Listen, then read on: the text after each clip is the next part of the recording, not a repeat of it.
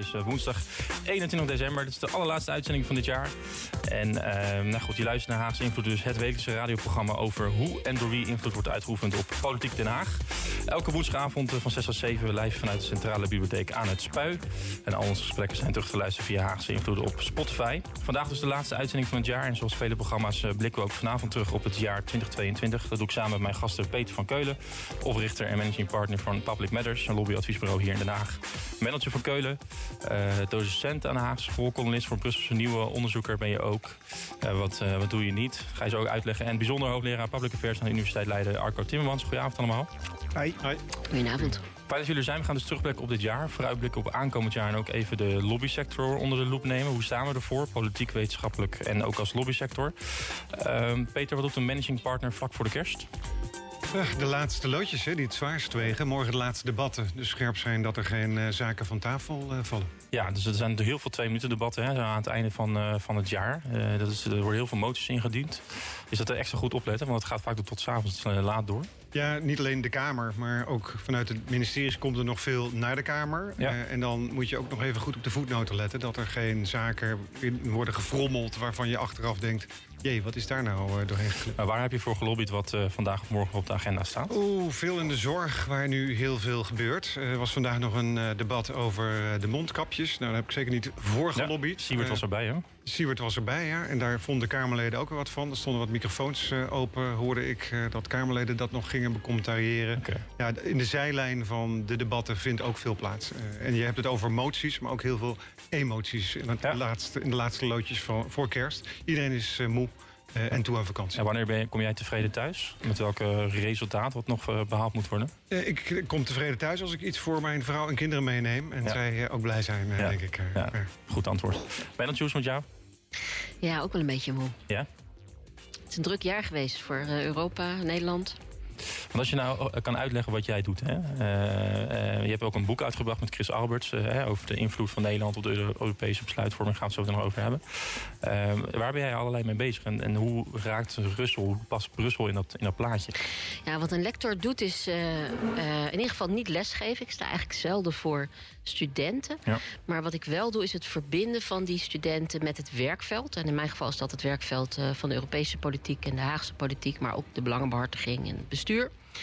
Dus ik werk veel met studenten, uh, bestuurskunde, Europese studies, communicatie. En uh, tot slot probeer ik ook nog een lijntje te houden met het academische onderzoek naar uh, de onderwerpen die ik volg. Ja. en ik schrijf daar inderdaad graag over. ik heb een wekelijks column in, op brusselsenieuwe.nl. En ik probeer elke week van een stuk wat bij de Tweede Kamer is binnengekomen, een Europees stuk, een korte behapbare column te maken. En dat Mm. valt niet mee, maar het is wel ontzettend leuk. Maar het lukt wel. Ja, het lukt wel. Van de week Ja. ging het inderdaad over lobbyen. Dus uh, Ja. dat, uh, ja, dan probeer je toch het in normale, begrijpelijke taal. Geen afkortingen, korte zinnen. Ja. En dat is, dat is wel een verademing, vind ik zelf, in het Europese werk... waar we echt omkomen in de afkortingen. Ja, over academische onderzoeken gesproken. Uh, Arco Timmermans, uh, fijn dat je er bent. We zijn uh, vorige, twee maanden geleden begonnen met de, de rubriek, hè, maandagsrubriek hier. De lobby, lobbyprofessor, waarin uh, studenten of oud-studenten van jou uh, vertellen over hun onderzoek, uh, over de lobby. Uh, waar hou jij je mee bezig zo vlak voor kerst? uh, begeleiden van studenten die straks hopelijk in jouw uitzending komen. Over uh, onderwerpen waar ze mee bezig zijn. Uh, van register tot draaideurpraktijken tot vergelijken van de lobby van bedrijfsleven met maatschappelijke groepen in de energiewereld, van alles. Um, en, en ook, en dat vind ik eigenlijk wel een mooi perspectief, we hebben het over moe zijn, maar ik krijg ook wel energie bij het idee dat ik ook weer tijd krijg om de redactie van een nieuw boek. Om daar weer aan te werken. Ja, dan ben je ook mee bezig, toch? Dat, dat, is lezen van wat er binnenkomt, dat is erg leuk. Um, dus dat geeft mij ook wel weer energie. En zeker ook voor het nieuwe jaar straks. Ja, over het nieuwe jaar zometeen gesproken. Eerst even terugblikken. Was 2022 een goed jaar? voor de public affairs? Een hele brede vraag, maar... Ja, een hele moeilijke. En een gesloten vraag ook. Uh, ik denk ja en nee. Laat ik er een politiek antwoord van maken. De wereld staat natuurlijk in brand. Dus alles wat we over public affairs zeggen, goed of slecht, dat is relatief. Uh, maar ik denk dat het vak wel weer wat meters heeft gemaakt. Dat er veel over het vak is gesproken. Mhm. Mm -hmm. En dat er niet altijd met professionals uit het vak is gesproken. Is er nog steeds te weinig gesproken met de professionals en nog te veel over de professionals? Ja, dat denk ik wel, maar dat kun je vooral de professionals zelf verwijten. Ik vind de lobby voor de lobbyisten geen heel erg effectieve lobby. Dat is een beetje terug te herleiden tot eh, de beroepsvereniging die we hebben, die wat vocaler zou moeten zijn. Ja. Maar dat maakt niet uit dat er over het vak wordt gesproken. Ik denk dat dat, uh, dat waardevol is. En dat hebben we het afgelopen jaar weer veel gedaan. En wat, als je kijkt, wat is bepalend geweest voor jou uh, afgelopen jaar, Peter, als het gaat om die public affairs? Zijn er dingen die, jou, die je uitspringen waarvan je zegt, nou, dat was een belangrijk moment? Nou, ik vertel veel over mijn vak en welke trends ik zie. En wat ik vooral dit jaar heb gezien is wat ik noem de juridificering van beleid. Mhm. dat, en eigenlijk is dat al in 2021 ingezet. Maar het afgelopen jaar zie je steeds meer maatschappelijke organisaties vooral beleid challengen. Of ze gaan naar de rechter, of ze halen de staat voor de rechter, of bedrijven of platforms van bedrijven. Nou, dat is een trend. Uh, in Amerika noemen ze dat public interest litigation. En dat is een trend die ook al langer in Nederland zichtbaar is. En wat doet dat voor lobby? Want goed of slecht, ik, iedereen heeft daar recht toe om naar de rechter te gaan, dus dat vind ik prima.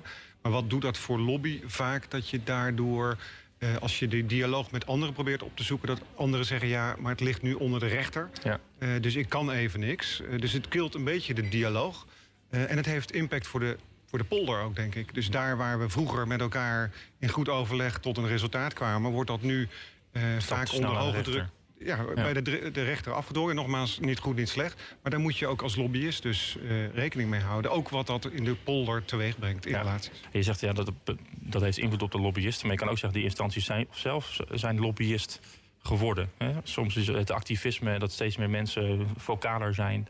Uh, die misschien vanwege hun professionaliteit geen lobbyist zijn, maar op andere manieren wel makkelijker de media vinden en uiteindelijk bij de, bij de rechtszaal uh, belanden. Nou, en dat, en, dat, is een ander goed ding, maar ook al jaren gaande, dat steeds meer organisaties, individuen, klein, groot bedrijfsleven, lokale overheden, noem maar op, iedereen weet de weg naar beleidsmakers te vinden. Dus uh, er wordt meer gelobbyd.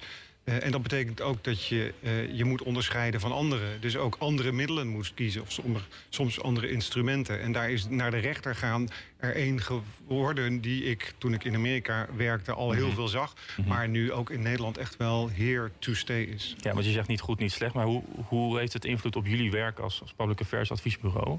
Uh, hoe beïnvloedt dat? Moeten jullie andere dingen doen? Moeten jullie focussen op andere uh, momenten in het stadium van, van, van plannen? Hoe, hoe werkt dat? Nou, op een aantal manieren beïnvloedt het ons werk. Uh, je werkt, of wij werken als lobbyist meer samen met juristen. En dan zijn er juristen die snappen ons vak en andersom. Dus dat zijn juristen die ook begrijpen wanneer je naar de rechter moet gaan. Maar er zijn ook juristen die blind uh, naar de rechter gaan zonder dat ze al naar de case hebben gekeken. Dus we werken meer met ze samen.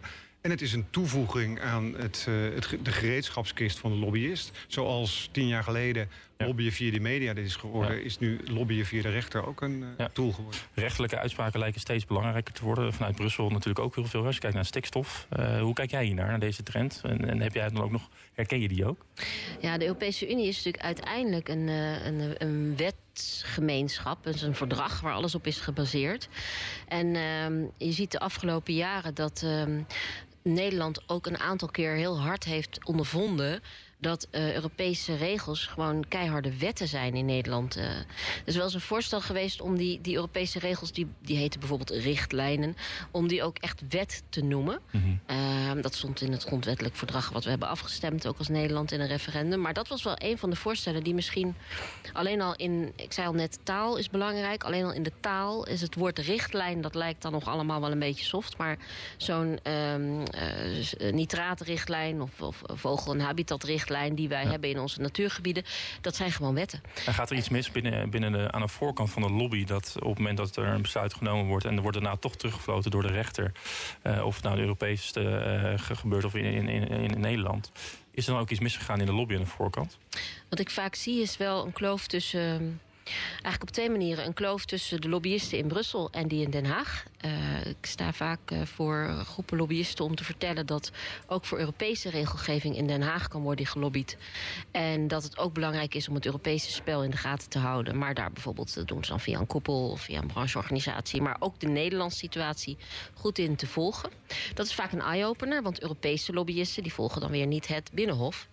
Ja. Um, en aan de andere kant is er, uh, is er ook een kloof uh, tussen uh, de, ja, echt het Europese proces en het Haagse proces.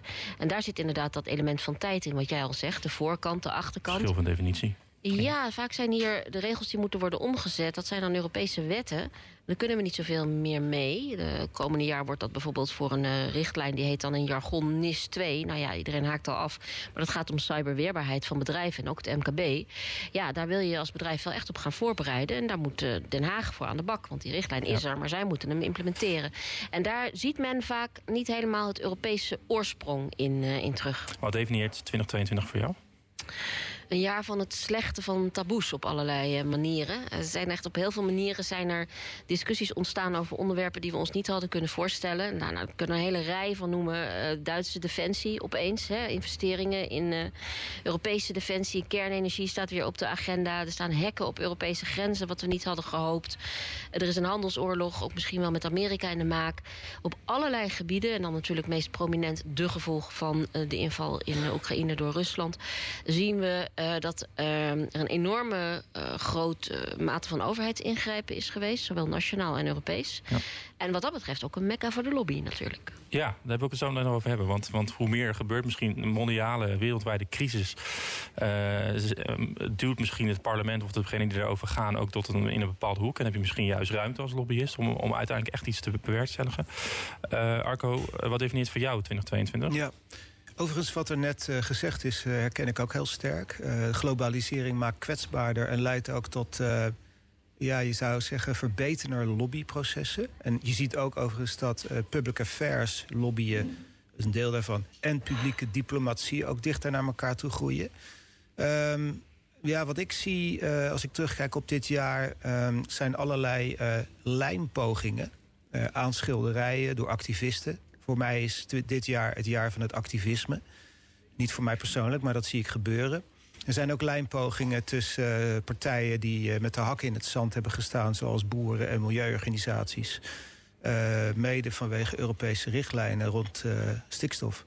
De, waar Johan Remkes lijnpogingen heeft ondernomen. Dus dat is voor mij ook wel een, een tekenend beeld voor het afgelopen jaar. Um, ja, en, en alles wat we hier bespreken zou ik kunnen vangen onder de noemer van de publiekisering van de lobby. Um, bedrijven gaan zichtbaarder lobbyen, vaak gedwongen doordat ze uh, uitgedaagd worden of doordat ze vinden dat hun verhaal breder moet worden uitgedragen. De coronacrisis was daar te komen. Ja, en uh, mobiliteit en uh, innovatie en noem maar op en zo. We hebben het ook meegemaakt dat de, de, vakantiesector, de reisbranche aan het lobbyen was voor meer ruimte. Letterlijk en figuurlijk, ook in vliegtuigen. Dus um, ja, dat kun je vangen. Gang naar de rechter, publieke diplomatie, geopolitieke kant in het verhaal zijn allemaal uh, voorbeelden van de publiekisering van de lobby. Het lobbyspel wordt steeds opener gespeeld naast de traditioneel Wat voor gevolgen heeft dat? Um, dat uh, posities verharden. Want hoe meer je zichtbaar lobbyt, hoe meer je op de publieke tribune zit ja, of staat in de arena. Des te meer je risico van gezichtsverlies leidt uh, als je het spel verliest. Dus dat betekent uh, hardere inzet. En dat zien we dus ook bijvoorbeeld bij activistische acties die worden drastischer, uh, chockerender. Overigens uh, gaat de vorm en de aandacht voor de vorm het dan wel overnemen van de aandacht voor de boodschap erachter. Ja. Dus dat is dan weer een resultaat van, ik zou zeggen, ga je niet aan schilderijen vastlijmen als je sympathie voor je standpunt wil hebben. Uh, maar dat naar aanleiding van dat punt ja. over die lijnpogingen. Ja. Want de, de, de, wat je zegt, Mendeltje, ik wil even op aanhaken... van bieden de vele crisis extra kansen voor lobbyisten. Uh, Peter, hoe kijk jij daarnaar? Ja, absoluut. Want dat betekent letterlijk kansen en bedreigingen. Hoe meer beleid er wordt gemaakt. En corona heeft tot meer centralisatie van beleid uh, geleid. Daar waar het daarvoor meer naar gemeente en provincie werd geduwd. Dus valt er iets te halen uh, en te brengen in Den Haag. Maar wel in samenspraak met andere bestuurslagen. En daar ga ik zeer mee met wat Mendeltje zegt daar wordt Brussel wel eens in vergeten. En het is ook heel complex, dat zegt ja. iedereen al net. heel ingewikkeld, Brussel. Maar ja, ingewikkeld of niet, die wetten, laten we dat ook vooral meenemen... geen richtlijnen meer noemen, maar die Europese wetten... Uh, ja, die hebben gewoon impact op Nederland. En dan ja. zie je de bedrijfsleven lobby vaak wel op tijd, want die hebben wel de... de, ja, de, de, ja, en, ja. en weten ook wat er gebeurt in, ja. uh, in Brussel.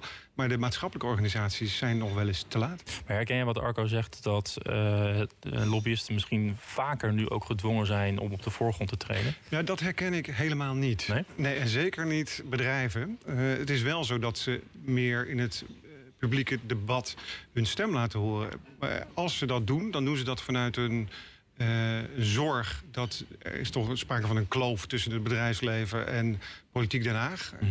onder andere met politiek Den Haag. om die kloof te dichten moet je niet alleen in de achterkamers met elkaar praten, maar ook wat meer in de media laten, laten zien. Dus is, dat hoort bij de verantwoordelijkheid als bedrijf om dat te doen. En dat, dat gebeurt ook. En de lobby is niet harder wat jij, ja, Nee, ja, de lobby is compacter. Vroeger had je ruimte om in een position paper van 10 bladzijden iets uit te leggen. En nu moet het een plaatje zijn op, dat op 1 A4 past. Dus het is wat gecomprimeerder en wat simplistischer. En wat gepolariseerder ook. Want je moet ook meegaan met even hè, Den Haag, Tweede Kamer, ja. 20 fracties. Ja. Of bijna 20 fracties. Ja, die mensen hebben ook niet alle tijd. Dus vroeger had je een uur de tijd om met een Kamerlid te praten. En nu heb je een half uur om met een beleidsmedewerker te praten. En polarisatie leidt vaak ook wel dat het wat, uh, wat steviger is wat steviger of wat compacter. Ja. En wat meer in beelden wordt gesproken. Eh, dus het, lobby, het lobbyvak ontwikkelt zich. En het is niet zo dat wij ons ontwikkelen en de omgeving zich daarop aanpast, maar eerder andersom.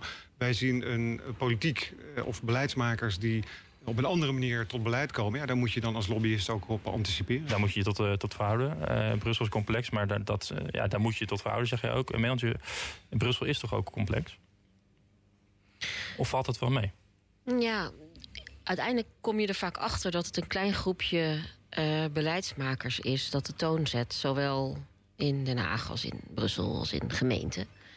Uh, het is wel een ongelooflijke hoeveelheid onderwerpen waarover in Brussel wordt gepraat. En wat ook niet makkelijker maakt, is dat uh, heel veel studenten het leren in termen van uh, dingen die uh, instellingen heten. Ik krijg altijd een soort GGZ-connotatie dan. Maar -hmm. het, wij noemen het gewoon organisaties. Hè. Dus je hebt een organisatie die heet commissie. En ja, werken daar nou zo ontzettend veel mensen? Dat valt ook wel weer mee. Maar ze zijn wel vaak heel erg gespecialiseerd in een onderwerp. En dat is het interessante. En dat is ook wat, wat wij proberen ook vanuit de Haagse Hogeschool. Dus ook om te laten zien dat uiteindelijk Europese politiek, Europees bestuur gaat heel erg over inhoudelijke drive. Je wil een bepaald probleem oplossen met 27 landen. Nou, dat is een behoorlijk forse vergadertafel. Probeer daar maar eens uh, samen uit te komen.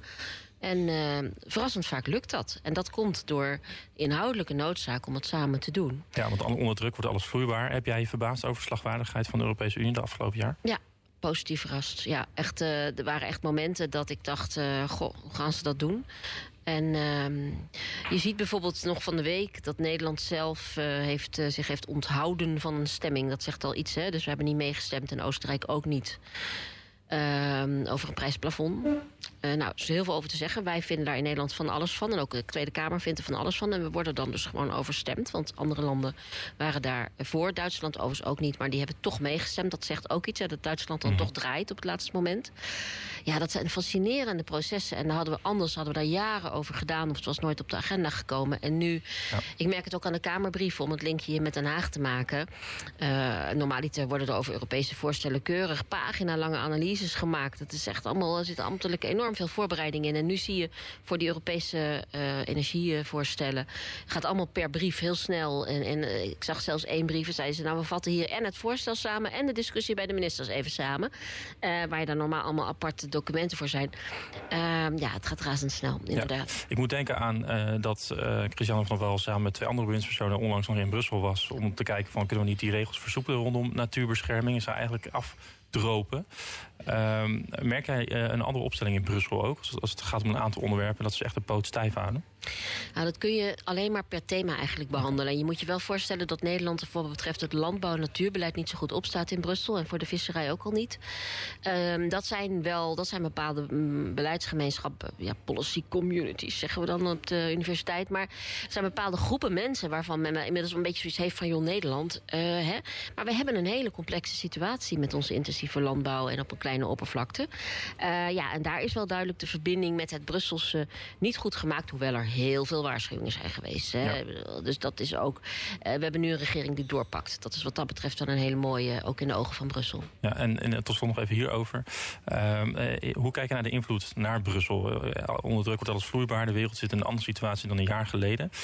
Uh, kun je daar iets over zeggen wat, of je, wat je daarin ziet? In, in hoe wij in Nederland hier uh, invloed proberen uit te oefenen op politieke besluitvorming in Brussel. Uh, heb je daar andere dingen gezien die je daarvoor nog niet gezien hebt? Ja, je ziet natuurlijk het regeerakkoord waar het jaar mee begonnen is positiever ten opzichte van Europese actie. Uh, dat is opmerkelijk, want het waren dezelfde partijen. Maar je ziet toch echt al een beetje een voorbode. En dat is het afgelopen jaar is dat zo geweest. Er is uh, heel veel Europese actie geweest vanuit het Nederlandse kabinet. Bewindspersonen aan en afreizend naar Brussel. Rutte een grote rol in de Europese Raad. Dus Nederland staat er wat dat betreft wel goed op uh, in Europa. Ja, we zijn in gesprek met de manager van Keulen, Peter van Keulen en Arco Timmermans. We blikken terug op het jaar 2022. Er is veel gelobbyd om de beïnvloeding op politieke besluitvorming transparanter te maken. Eigenlijk vanaf eind november of eind 2021 is dat in een sneltreinvaart gekomen. Opeens ging het snel. Verscherping van de lobbymaatregelen, lobbyverbod, draaideurverbod, lobbyregister. De Kamerpas voor oude Kamerleden is afgeschaft. Uh, Peter, ik begin weer bij jou. Wat voor effect heeft deze maatregelen gehad voor jullie als lobbyisten? Of hebben ze überhaupt effect gehad? Volgens mij is transparantie in 2022, we kijken een beetje terug denk ik... is uh, verhoogd sinds premier Rutte zijn Nokia niet meer gebruikt... en we al zijn appjes kunnen uh, woppen. dus in dat opzicht zijn we transparanter geworden, denk ik.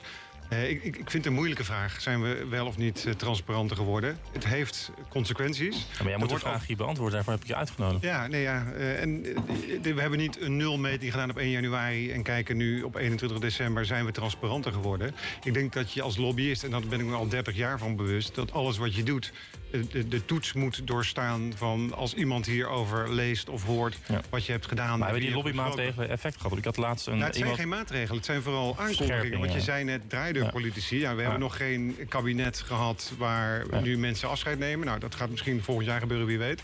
Die, dat register is er nog niet. Nee. Lobbypas is eigenlijk nog vorig jaar. Hè? Dat is of, het, in maart, afgelopen maart. Is het effectief geworden, maar daarvoor was de discussie al een feit. Uh, dus ja, heeft het impact? Ik vind het allemaal best. Uh, wij ja. moeten ons rekening, uh, rekenschap afleggen dat we, uh, ja, dat we maatschappelijk actief zijn. En dat we gewoond kunnen worden, heet dat dan nu.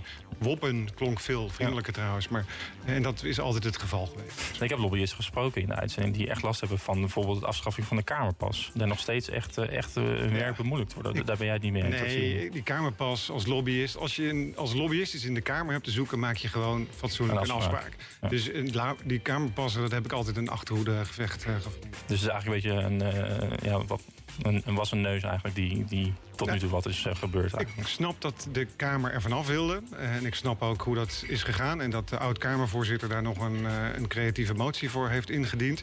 Voor de beeldvorming naar buiten toe werken die lobbypassen niet. Dus dat ze er om die reden vanaf wilden. Volgens mij was het ook een veiligheidsdingetje. Ik vind het een hele kleine discussie in een veel belangrijker debat. Ja. Uh, Arco, hoe kijkt naar? Is het, is het is, uh, transparanter geworden nee. afgelopen jaar? Nee. Uh, er wordt over gesproken. Het gevaar daarvan is dat je verwachtingen omhoog uh, uh, ziet gaan. Hè? Dat mensen verwachten dat er dan ook iets komt. Nou, als je terugkijkt, de voorstellen die nu in de Kamer liggen... dat zijn niet de eerste voorstellen. En meestal wordt er dan een heel beetje wordt er, wat van gemaakt... maar een deel ook weer niet. Dus A, verwachtingsmanagement. Pas op voor te hoge verwachtingen over transparantieregels. wat er ook formeel allemaal komt. Voor een belangrijk deel zit het hem ook in het gedrag. Je kunt spelregels maken zolang als je wil.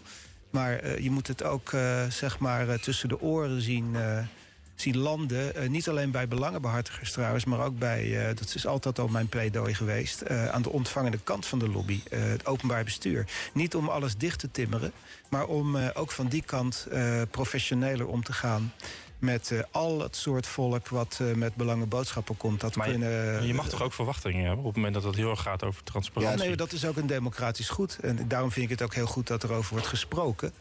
Uh, maar uh, is Nederland transparanter geworden afgelopen jaar? Uh, er komt straks weer een rapport van, Amnesty, of van Transparency International uit. Ehm, zeven jaar na het vorige rapport. Nou ja, ik denk dat er zal worden geconstateerd dat er wel voorstellen zijn... maar dat die voorstellen er nog niet door zijn. Hè? En Nederland staat nog steeds ook in internationale rankings... staat Nederland een beetje uh, onderaan in, uh, in de landen... Uh, als je kijkt naar wat er nou eigenlijk gereguleerd is. dus maar los van de, van de regulering gaat het bij transparantie... gaat het ook over verantwoording voor de dagelijkse dingen die je doet... en die je wel, niet, wel of niet doet... Um, en um, ja, ik denk dat uh, wat voor lobby er ook wordt gevoerd... Hè, want uh, public affairs wordt nog wel eens gezien als lobby... voor uh, private belangen, zakelijke belangen, sectorbelangen... die achter de schermen worden behartigd. Dat is eigenlijk ook mijn vorige punt was dat, over publicisering. Dat wordt minder makkelijk en ook moeilijker te verantwoorden. En ik, ik denk dat dat democratisch gezien goed is... En daarom vind ik het op zich ook goed dat er aandacht voor transparantie is. Uh, en voor verantwoording. Alleen we zijn er nog lang niet op dat punt, denk en ik. moet wel dus ook iets gebeuren. Komend jaar, na de kerst en het nieuwe jaar... is er nog volop werk aan de winkel, denk ik. Ja, er is werk uh, verzet. Uh, je hebt een column geschreven ook van de week. Ehm, ja, leg zelf maar uit. Hè. Dat, dat, was natuurlijk de corruptiezaak in, in het Europese in het parlement. daar is dan ook een motie van aangenomen binnen de, hè, van op, op aanzetten van de VVD. Van daar moeten echt nu integriteitsregels moeten aangescherpt worden. Uh, gisteren lagen een aantal voorstellen van Dassen en Omzicht uh, ter stemming. En die hebben natuurlijk een initiatiefnota aangeschreven. Uh, volgens mij een van jullie ook wel bij betrokken geweest. Om voor meer transparantie doen concrete voorstellen. maar daar is geen meerderheid voor gevonden. Hoe kijk jij naar. Daar heb je eigenlijk een beetje al voor gewaarschuwd hè, in, jouw, in jouw column. Hoe kijk jij naar deze situaties? Kijk naar wat er in Brussel gebeurt, in Nederland en de transparantie. Waar Nederland toch wel op de vingers wordt getikt. Arco zei het al. Ja, de, de stelling in mijn, mijn, mijn column van vorige week op brusselsenieuwe.nl was dat de bekende wijsheid dat als je met één vinger wijst, dat je ook altijd drie vingers naar jezelf hebt wijzen. Ja. En dat had ik nu toegepast op uh, de, de schok die door Brussel is gegaan en door Straatsburg is gegaan, waar het Europese parlement uh, is gevestigd voor die. Ja, die Griekse Europarlementariër, hè, waar, waar letterlijk gewoon koffers met geld in de hotelkamer uh, bij haar uh, vader zijn gevonden. Dat is natuurlijk een, een, uh, ja, het is een verschrikkelijk verhaal. Het is een drama voor de Europese beeldvorming ook in dit geval. Je hebt 705 Europarlementariërs. Ja, dit was wel echt een rotte appel. En dat he, heeft ook een heel debat en terecht doen oplaaien over Europese transparantie. Maar daar hadden ook Nederlandse bewindspersonen en ook Kamerleden wel iets over te zeggen. Die wilden die wel dat veroordelen in de plenaire zaal. En Rutte zei er ook iets over aan marge van Europese top. Ja. En toen ben ik er eens even ingedoken van... joh, hoe zit dat nou eigenlijk als je het vergelijkt met, uh, met Den Haag? En mijn stelling was toch wel dat vanuit Straatsburg... maar dan niet het Europese parlement, maar een andere instelling... die heet Greco, dat daar al heel lang uh, aanbevelingen ja, in gaan. Nederland. Ja. ja, corruptiewaakhond. En nou, dat bleek eigenlijk als je daar eens een beetje induikt... dat daar toch uh, wel wat slagen gemaakt mogen worden hier in Den Haag. Toevallig was er deze week een debat over. Gisteren zijn alle voorstellen van... die horen bij de initiatiefnota weggestemd door de coalitie. Um, wat vind je daarvan? En dat is wel een teleurstelling, denk ik. Uh, ik moet meteen wel zeggen, maar ik heb gelukkig Peter uh, hier naast me... die wat meer weet over de inhoud van die voorstellen. Maar ik moet wel zeggen dat als je een grote mond hebt over Brusselse transparantie... dat het dan wel een beetje pijn doet. Dat je dan, uh, zonder bijvoorbeeld eens een beetje te helpen met de tekst van die moties... of te zeggen, joh, zo kan ik hem wel steunen... dan gewoon uh, zegt van nee, nee, dit doen we niet, ligt nog bij de regering. Want dat is geloof ik het formele argument van de coalitie. dat vind ik jammer. En um, ik moet ook zeggen dat in het algemeen en dat is sowieso wel een leuke stelling... dat in de Europese Unie, als het gaat om toegang tot documenten... wat ook een element is van transparantie... dat het daar veel beter is geregeld dan in uh, Den Haag. Ja, dat hoor ik heel veel mensen zeggen. Je kan alles vinden. Ja. Je kan de namen van ambtenaren, behandelend ambtenaren vinden. Je kan de, ook, ze hebben ook hele handige uh, websites met zo'n treintje... dat zo gaat van het ene voorstel naar het andere. Nou, daar mogen de ministeries nog wel een puntje aan zuigen. Ja, de, jij zegt eigenlijk een soort... Uh, als je met drie vingers wijst, kijk dan ook naar jezelf. Exact. Peter, jij zit ook meer inhoudelijk bij die voorstellen. Hoe, hoe kijk jij daarnaar? Het eens met, uh, met Mendeltje? Wat je overigens, als ik mag aanvullen, Ja, wat je in Brussel kunt zien... daar kun je ook zien hoeveel geld er wordt besteed aan lobbyen uh, door bedrijven. Daar zie je dan ook wel weer in dat advocaten zich bijvoorbeeld niet hoeven te registreren. Dus uh, ik kan mijn eerste hoorzitting in het Europees Parlement herinneren in 1992. Rinus van Schendelen ging toen de wereld vertellen hoe dat register moest worden ingericht. Dus zo lang zijn we daar al mee bezig. Uh, dus het is een, een, een levendig en een, een voortschrijdende dis ja. discussie. En ik denk in uh, Nederland zijn we daar ook mee bezig. Op jouw vraag, hoe kijk ik daar dan naar? Ik denk dat het een totaalpakket is. Op het moment dat je alleen maar de notitie van Omtzigt en Dassen... Uh, separaat gaat bespreken op, uh, ten opzichte van wat het kabinet voorstelt... Mm -hmm. dan haal je een beetje de samenhang uit voorstellen. Dus daarom heeft de regering redelijk... Uh, afwijzend gereageerd, of redelijk. Ze hebben, de coalitie. Uh, ja, uh, het kabinet heeft afwijzend gereageerd op die moties. Wachten keurig af wat het ministerie van Binnenlandse Zaken nu aan het uitzoeken is. Daar wordt keurig wetenschappelijk onderzoek door Celeste Brouw naar gedaan. Naar dat register komt ja, ook een definitie hele, een hele definitie voor, voor gemaakt.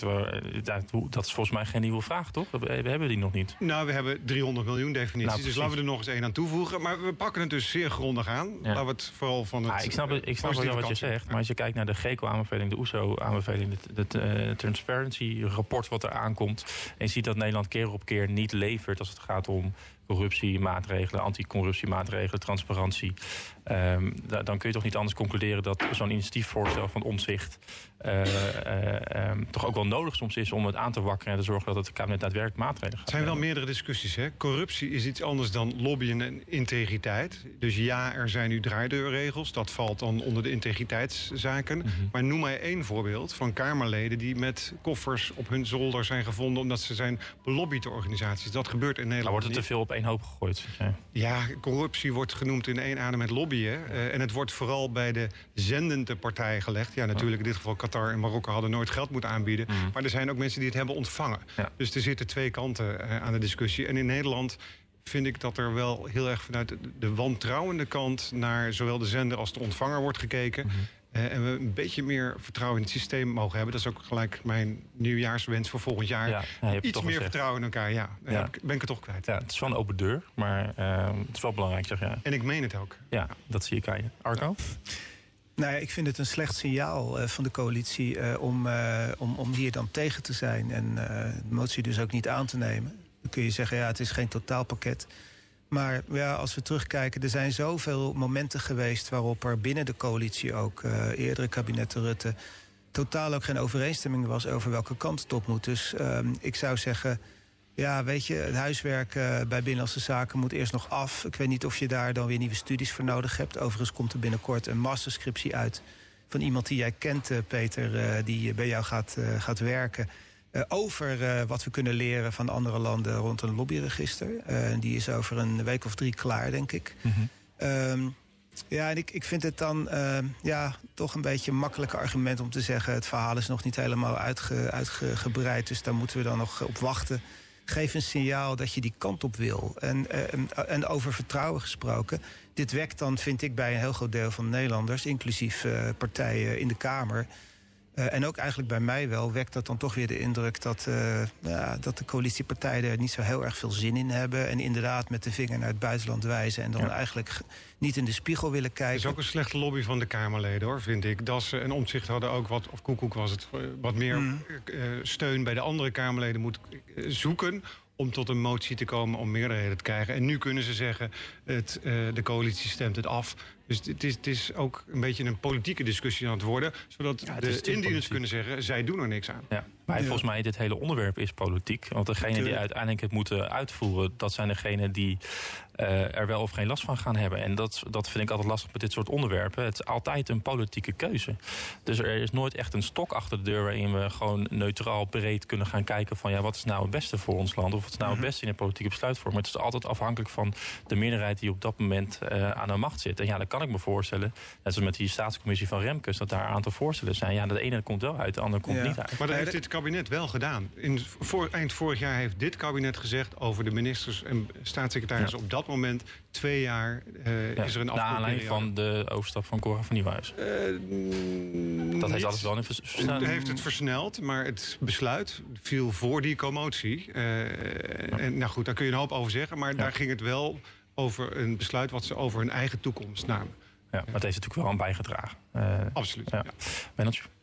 Hoe kijk jij ernaar? Uh, je zegt, ja, ik heb een column geschreven, drie vingers wijzen, één, één vinger terug. Hoe wordt er in Brussel naar gekeken dat, dat Nederland uh, op deze manier met, met GECO wordt er, wordt er naar gekeken hoe Nederland omgaat met GECO-aanbevelingen, beveling van de OESO internationaal? Of, of is, is, Brussel bezig met andere dingen?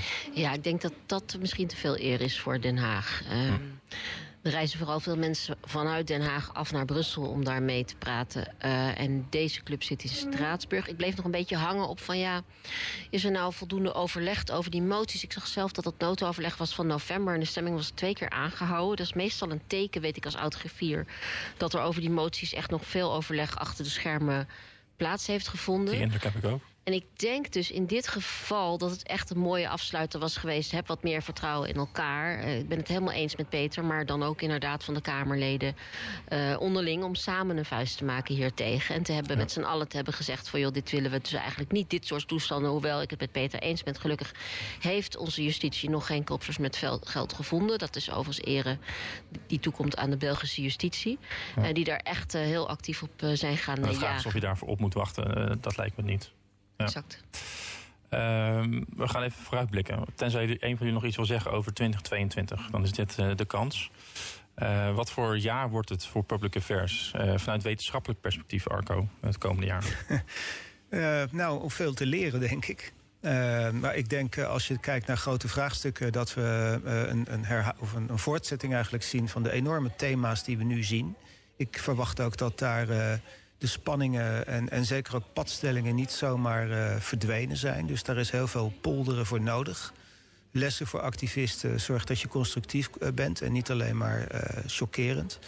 Um, In welke dus rol kan de wetenschap bijdragen? nou ja, ik denk, uh, wat je ziet is ook een ontwikkeling, hebben we het eigenlijk nog niet zo over gehad. Dat is dat uh, public affairs uh, en, en, en belangenbehartiging in het algemeen, ook voor amateurs trouwens, er wordt steeds meer een zaak van evidence basis, van zien en weten, kennis hebben patronen kunnen onderscheiden, weten hoe de hazen lopen, hoe eh, systemen in elkaar zitten, wat de juridische uh, grenzen zijn aan wat je kunt en wat je mag.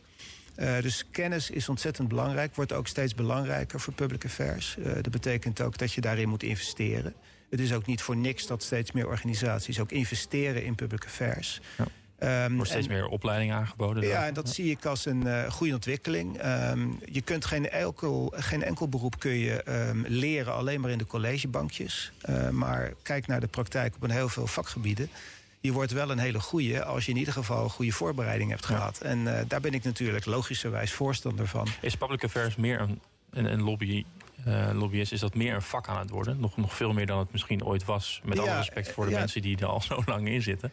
Ja, ik, nou ja, er zijn mensen die zeggen nee, dat is het niet. Uh, en dat, zullen, dat kunnen professionals ook nooit aan tippen. Maar dat vind ik een pessimistisch idee. Ik denk dat uh, public affairs wel degelijk uh, een vak is waar je goede competentieontwikkeling voor, voor hebt. En dat kunnen we ook leren.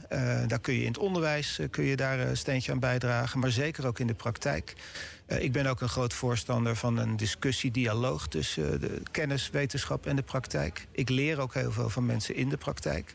En ik hoop dat mijn studenten dat idem dito doen. Um, en omgekeerd uh, vind ik het ook goed als de praktijk uh, kijkt naar wat er voor kennis is. Ja. maar er is nog een heleboel, 2023, en dan kan ik nog wel een paar jaren verder gaan, is er nog heel veel te leren ook. Um, over wat relevante kennis is voor public affairs. de kloof tussen academische kennis en praktijk vind ik nog steeds eigenlijk te groot. Er wordt veel gepubliceerd waar practitioners eigenlijk helemaal geen kennis van nemen. En misschien ook uh, geen kennis van kunnen nemen omdat het niet toegankelijk genoeg is. En ik vind die vertaalslag ontzettend belangrijk. En daar hebben we echt nog wel een aantal jaren voor, ja. uh, voor nodig. Hoor, ik ben benieuwd, Peter, hoe jij daar naar kijkt. Eh, ja, ik vind ook dat er veel wordt gepubliceerd waarvan ik denk... dat is leuk qua wetenschap, maar het spoort totaal niet met mijn dagelijkse praktijk. Nee, dus daar valt nog een, precies een mooie kloof. Wat aan precies, dus ja. misschien moeten we wat vaker eh, met, met elkaar praten. Ja. Daarom heb je lectoraten. Nou, en dat, daar kom jij weer in de buurt. Ja, waarom zit jij niet in het Fantastisch midden? gezelschap eigenlijk. Maar um, um, heb jij in relatie met, jou, met jou, wat jouw vakgebied en wat jij doet, eh, met jouw bureau, speelt wetenschap daar een, een significante rol in? Of is het vooral nog steeds uitvoeren en, en, en, en, en bezig met, met relatie en gewoon je werk eh, en minder wetenschap. Ja, wetenschap is voor ons ook een instrument om bepaalde uh, onderbouwing te voorzien in lobbyzaken. Uh, dus ja. om een onderzoek uit te laten voeren. Maar dat is, heeft niets met mijn vak te maken. Wat jij eerder zei, ontwikkelt het vak, vak zich? Jazeker.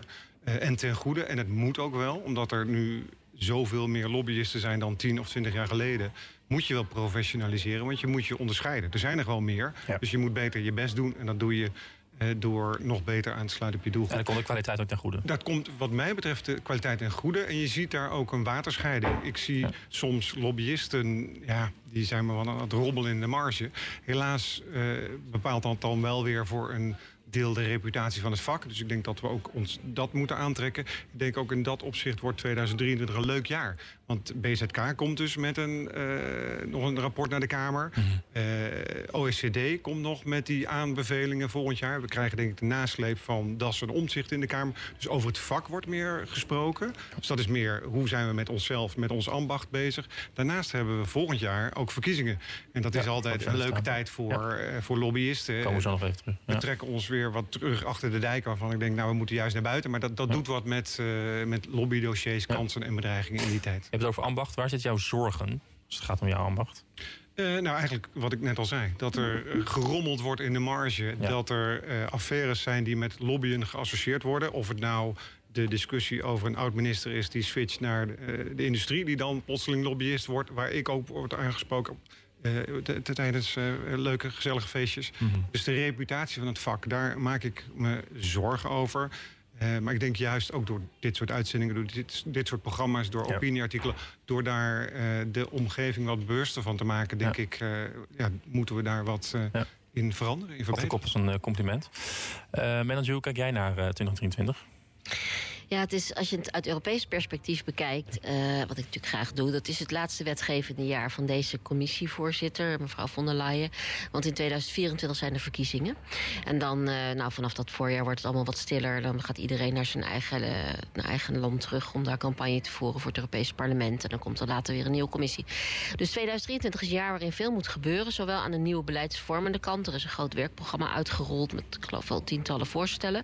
Maar de doorwerking gaat ook komen van de grote besluiten die de afgelopen maanden zijn genomen. En die gaan ook keihard landen bij gemeenten, bij provincies, bij ministeries. We gaan nu merken uh, wat al die Europese energiemaatregelen bijvoorbeeld allemaal gaan betekenen. En um, een van de dingen die uh, ik altijd probeer om bijvoorbeeld diplomaten, maar ook mensen bij gemeenten te laten leren van public affairs en van bedrijven, is eigenlijk het planmatig en werken aan de hand van een kalender. Dat je zegt van nou, wat komt er wanneer aan? En dat zie ik bedrijven gewoon heel logischerwijs doen. Uh, zeggen van nou ja, weet je, dit is een beetje de agenda van de komende tijd. En dat als je dus zo naar 2023 kijkt, dan weet je dat het in Europa een heel druk jaar wordt, maar dat het dus ook in Nederland een heel druk jaar wordt. En wat ik zie gebeuren, daar ben ik heel positief over, is echt een soort van professionalisering ook van het Europese vak.